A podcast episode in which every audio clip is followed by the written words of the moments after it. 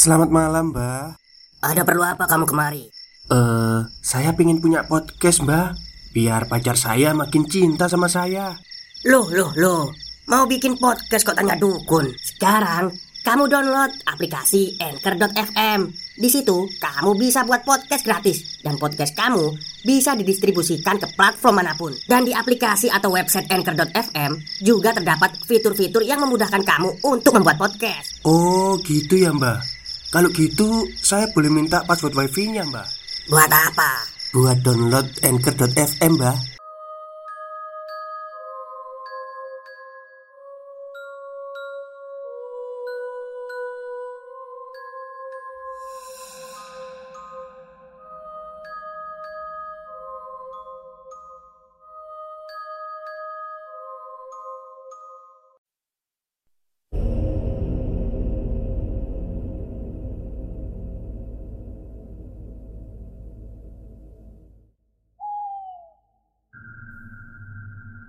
Assalamualaikum warahmatullahi wabarakatuh. Halo semuanya Jumpa lagi dengan saya Chow Sing Sing Kurator dari podcast Horror Night Story. Halo Apa kabar semuanya? Semoga kalian semua sehat-sehat ya. Dan seperti biasanya pada malam hari ini Saya kembali dan akan menghadirkan sebuah kisah mistis untuk kalian semua. Kisah mistis kali ini saya datangkan dari tweet horornya Mas Rian yang ada di Twitter. Jadi di tweet ini akan menceritakan enam so enam orang sahabat ya yang menginap di sebuah villa dan ternyata mengalami hal yang menyeramkan di villa itu.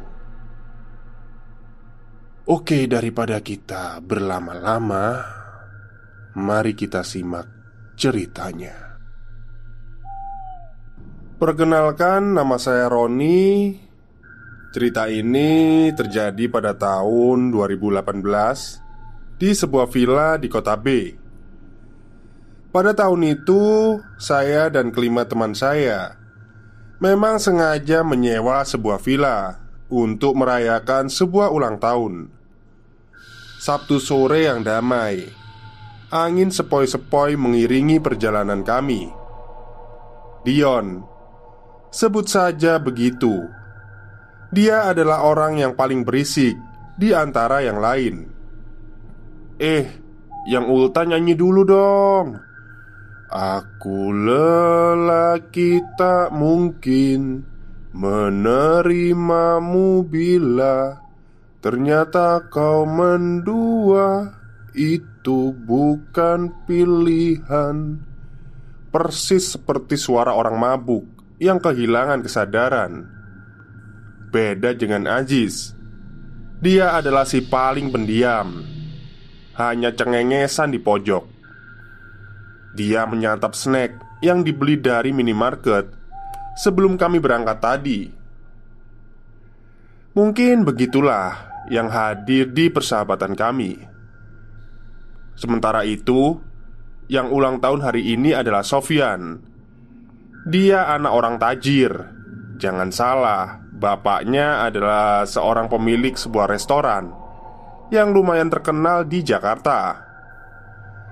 Saya tidak menyebutkannya di sini. Kuharap kalian mengerti.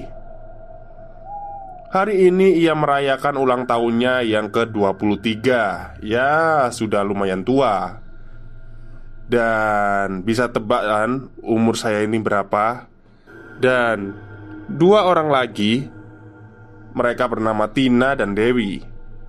Dua orang wanita pelengkap dalam persahabatan kami. Mereka orangnya asyik Apalagi Tina. Kadang kalau kami berbincang Ia sering menjadi penghidup suasana. Tak lama kemudian Kami pun sampai di sebuah villa. Tak ada yang aneh di sana Vilanya lumayan bagus, ada dua lantai. Ada juga kolam renang di belakang villa itu. Oh iya, pada saat itu kami sampai di lokasi villa itu sekitar pukul setengah empat sore. Masih cukup terang dan belum cukup dingin. Mang, gimana? Deal kan? Ucap Sofian kepada penjaga villa itu Si Mamang hanya manggut-manggut Seraya memberikan kunci. Ya tidak ada yang aneh. Bahkan ketika kami berlima masuk ke dalam villa itu Ternyata dalamnya cukup besar Dan tertata rapi. Mungkin Memang dirawat dan sering dibersihkan oleh si mamang penjaga villa itu. Ada tiga kamar di villa itu. Satu kamar di bawah dan dua kamar di ruangan atas. Kami memilih mengosongkan ruangan bawah dan berkumpul di ruangan atas villa itu. "Gimana, Bos? Acara pertamanya apa?" ucap saya kepada Sofian. "Hmm, apa ya?" Sofian nampak seperti berpikir. "Gimana kalau kita renang dulu?" Aso itu Ujar si Dion Lo aja sendiri Ucap Dewi. Berdua aja tuh Ayo. Dion memasang muka menyebalkan kepada Dewi. Barbekyun aja, simple Saran Ajis. Tumben Kini ia menguasai perbincangan. Nah Boleh juga tuh, seru Ucap Sofyan Singkat cerita, kami pun berkumpul di halaman belakang villa itu. Dion dan Ajis tengah duduk di tepi kolam dengan sebatang rokok dan secangkir kopi milik mereka. Sementara itu, saya, Tina, Dewi, dan Sofyan tengah berbincang di sebuah gazebo yang berada di pinggir kolam. Lain kali, kalau lu ulang tahun jalan-jalan ke Jepang dong, bos. Ucap saya. Lo tuh bentar lagi ulang tahun. Gas ke Jepang Seru Dewi. Nah iya. Ulang tahun lo kan bulan depan Ujar Sofyan Sial. Kini saya yang justru diserang oleh mereka. Tak terasa hari pun sudah semakin petang. Menghadiahkan temaram Yang perlahan datang menuju permukaan Udara pun berubah menjadi semakin dingin. Memaksa Ajis mengenakan dua lapis sweater pada saat itu. Seraka amat lu Jis Pakai dua sweater Kata saya. Hahaha Dingin gue Kata Ajis. Saat malam tiba Penjaga villa itu datang menemui kami berlima. Dengan ciput hitam Sarung yang diselendangkan juga jaket parasit yang tidak diresletingkan. Dia tidak cukup tua, umurnya saya tebak kira-kira masih 40-an. Dia sopan dan juga baik terhadap kami. Kalau butuh sesuatu, telepon saya aja ya, Den. Tapi telepon biasa. Saya mah nggak bisa WA. Hehe. Ujang si Mamang Oh iya, satu lagi. Kalau malam-malam jangan main di kolam ya Den. Mamang mah takut Habis ada yang kecebur Dah lumayan dalam ini kolamnya. Sambung si Mamang. Oh siap Mang. Pokoknya beres deh Ucap Dion setelah selesai. Si Mamang pun pergi dengan membawa senter besar Yang senantiasa setia berada di genggamannya itu. Saat itu saya melihat jam menunjukkan pukul 7 malam. Eh, ini pada nggak mandi? Ucap saya kemudian. Bodoh ah, dingin tahu? Ujar Tina. Gue mandi duluan ah, ucap Dion. Gak usah rebutan, ada dua kamar ini mandinya. Ujar Sofian. Ya udah, gue mandi di kamar mandi yang di atas, kata saya. Ya udahlah, gue mandi di bawah aja, balas Dion. Singkat cerita, kami pun kembali berkumpul dan lantas di atas villa itu dengan bermain Uno bersama. Sial, saat itu aku kalah melulu dari mereka, membuat wajahku penuh lipstik milik Tina. Pukul 10 malam. Udara semakin menusuk dengan tajam. 18 derajat. Sial. Dingin sekali malam itu. Tak kusangka Sofyan diam-diam membawa dua botol minuman keras Di dalam tasnya. Kami pun meminumnya bersama. Sementara Tina dan Dewi Masuk ke dalam kamar mereka. Entahlah Mungkin dalam keadaan setengah sadar Kami mendengar pintu villa itu diketuk beberapa kali Apakah si mamang penjaga villa? Kalau iya, ada perlu apa dia malam-malam begini?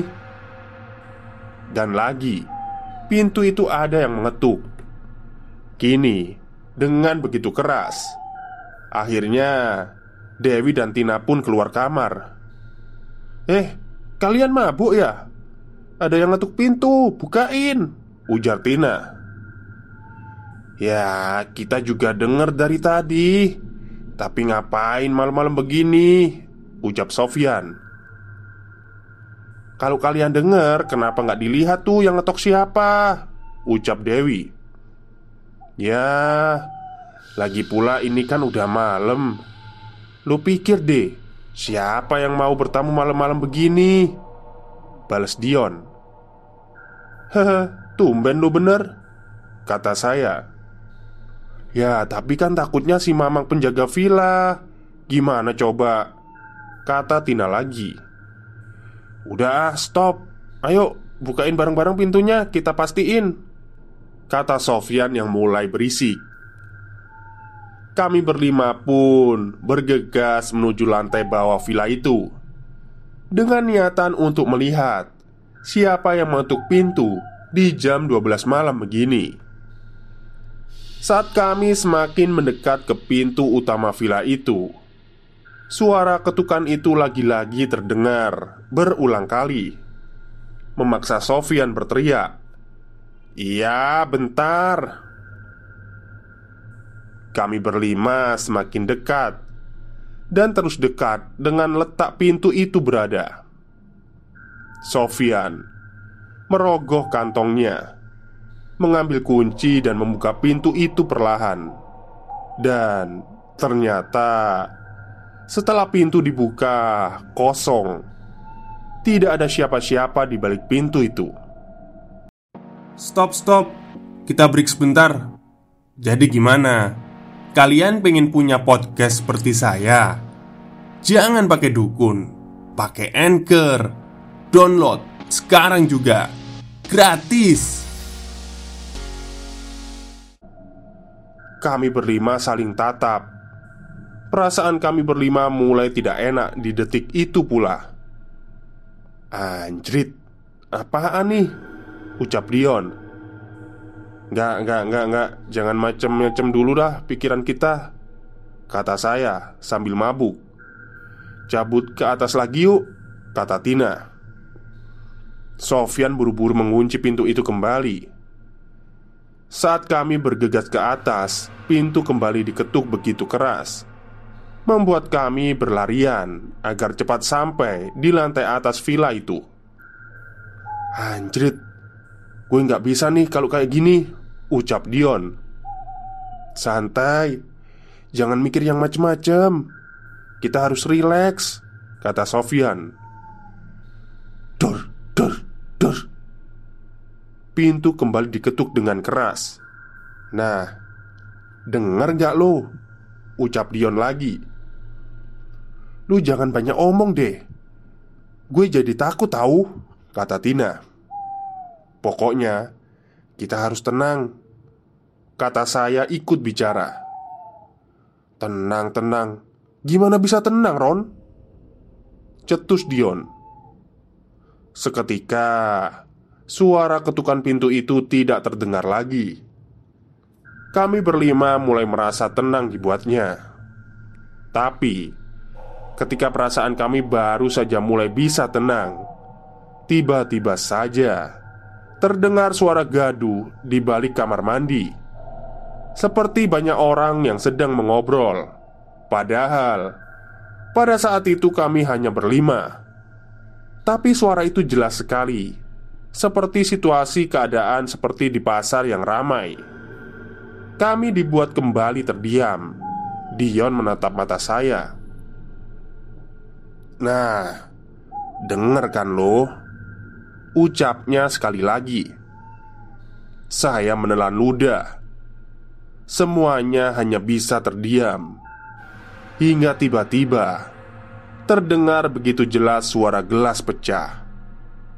Dewi menjerit, seraya menutup kedua telinganya.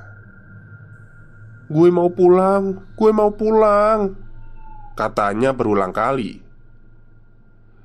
Sorry, ada protes dari narasumber Ini kesalahan dari gue Jadi jumlah orang yang ada di villa itu ada enam orang Sedangkan yang gue tulis ada lima orang. Ya, harap maklum ya. Oke, kita lanjut. Tak ada yang berani beranjak dari tempat itu. Kita hanya saling menatap satu sama lain tanpa suara. Dengan perasaan yang sudah merasa dilema. Cek yuk, barangkali itu cuma kucing Ucap Aji seketika. Eh, lo gila ya? Kucing masuk lewat mana? Tadi kan lo lihat Sofyan kunci lagi pintunya. Balas Dion kesal. Ya, Gue kan cuma gak mau mikir yang macem-macem. Lagian kan Kalau kita mikir jernih Itu bisa bikin kita sedikit tenang Kata Ajis lagi. Hei Lo ngerti gak sih? Pintu digedor tanpa ada siapa-siapa Terus ada suara orang ngobrol. Terus sekarang gelas pecah Sedangkan kita masih di sini. Di saat Dion dan Ajis tengah berdebat Kembali lagi terdengar suara ketukan itu. Tapi kini bukan dari arah pintu Melainkan jendela Yang ada di hadapan kami berenam Mereka langsung terdiam. Sementara Dewi semakin ketakutan. Mama mau pulang Katanya dengan menangis. Ini adalah situasi yang paling mendebarkan. Ketika kami semua mendengar suara tawa cekikikan Dari balik jendela itu. Pulang yuk, pulang Kata Dion tidak bisa menyembunyikan rasa takutnya Gila lu ya, udah jam berapa ini? Balas Sofyan Udah, kita tinggalin aja tempat ini, bodoh amat Gue mau pulang Yan Kini Tina ikut bersuara. Semua bergegas merapikan barang bawaan masing-masing. Saat baru saja kami berenam melangkah dari tangga menuju lantai satu, kami lagi-lagi dikejutkan oleh sesuatu. Suara gelas pecah itu lagi terdengar begitu jelas. Bahkan suara gelas pecah itu kini bertambah banyak, sekitar tujuh kali. Ya, Aku masih ingat betul Seperti ada orang Yang sengaja melemparkan gelas-gelas itu ke lantai Saat Sofyan buru-buru membuka kunci pintu villa itu Diam-diam. Saya mencuri pandang ke arah dapur. Saya tidak melihat ada serpihan gelas pecah di lantai. Namun Saya melihat sesuatu Yang sedikit sulit untuk diutarakan. Sesosok hitam besar Taring begitu tajam Dengan mata yang begitu merah mencekam. Benar Saya tidak salah melihatnya Saat pintu sudah terbuka Kami kembali dikejutkan Oleh sesosok wanita di balik pintu. Wajahnya begitu menyeramkan Pakaiannya serba merah. Tina dan Dewi langsung pingsan Dion kencing di celana. Sedangkan Ajis jongkok ketakutan. Saya dan Sofyan saling tatap tanpa bicara. Kami pasrah Sudah tidak bisa berbuat apa-apa lagi Hingga Tiba-tiba Ada suara kentongan Saya teriak dari dalam Berharap itu adalah warga sekitar yang sedang patroli sis kampling. Ada suara orang berlarian, kemudian mendobrak pintu. Saya melihat mereka. Itu adalah orang. Ya, benar. Seperti dugaan saya, mereka adalah warga sekitar. "Woi, kalian ngapain di rumah kosong?" kata salah satu warga itu. Seketika saya, Sofyan, Ajis, dan Dion tersadar dari sebuah hal dan melihat ke sekitar. Ini adalah rumah kosong, benar-benar kosong. Bangunan tua yang sudah rapuh, tidak ada apa-apa di sini. Lalu, bayangan kami tentang villa itu apakah hanya halusinasi? Kami membopong Tina dan Dewi keluar dari sini. Dari luar, bangunan ini nampak jelas. Bangunan tua yang sepertinya sudah ditinggal lama sekali. Saya masih belum bisa mencerna semua hal yang sudah saya lewati barusan. Bahkan Sofyan dan yang lainnya hanya bisa terdiam tanpa kata. Tak lama kemudian adzan subuh pun berkumandang. Saya membangunkan Tina dan Dewi. Lo lihat ke arah sana. Tadi kita itu bukan di villa, lihat deh, ucap saya. Tina dan Dewi kaget. Jadi, kita tadi malam ada di bangunan tua, ucap Tina. Kalian masih bernasib baik. Saya sarankan kalau kalian mau nginep dan menyewa villa, jangan asal percaya sama orang, Mas, Mbak. Kata salah satu warga sekitar. Pagi sudah semakin menampakkan dirinya membawa cerah dan datang merobek malam yang gelap gulita. Bangunan tua itu kini semakin jelas, benar-benar bangunan yang menyeramkan. Warga sekitar pamit dan pulang. Kami berterima kasih kepada mereka. Entah mengapa ini adalah hal yang sulit diterima logika.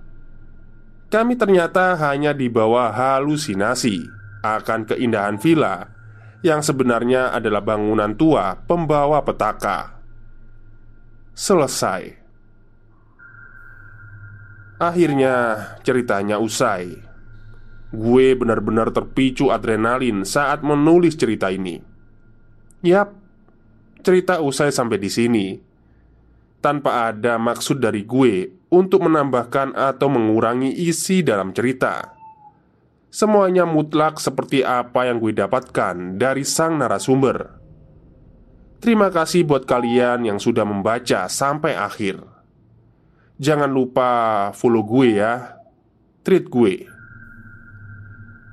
Menurut penuturan narasumber, nomor tersebut tidak bisa dihubungi, bahkan menanyakan kepada warga sekitar. Tidak ada ciri-ciri seperti mamang-mamang penjaga villa di tempat itu. Terima kasih. So, menurut kalian, si Mamang itu siapa sebenarnya? Oke, itulah akhir cerita dari Mas Rian, tweetnya Mas Rian ya, yang menceritakan tentang sebuah villa angker di sebuah tempat, dan ternyata uh, keenam orang itu terjebak genjutsu rupanya. Bukan villa, ternyata bangunan tua tuh. Ya nggak tahu ya apakah si Mamang ini keturunan Madara Uchiha atau Hashirama Senju gitu Oke mungkin itu saja. Dan buat kalian yang mungkin suka berlibur atau uh, Ya berlibur ya Honeymoon atau apalah itu kalau milih penginapan itu Mbok ya Diperjelas dulu. Jangan asal percaya orang. Takutnya kena genjutsu seperti ya di dalam cerita ini gitu loh. Oke mungkin itu saja cerita pada malam hari ini. Kurang lebihnya saya mohon maaf. Wassalamualaikum warahmatullahi wabarakatuh.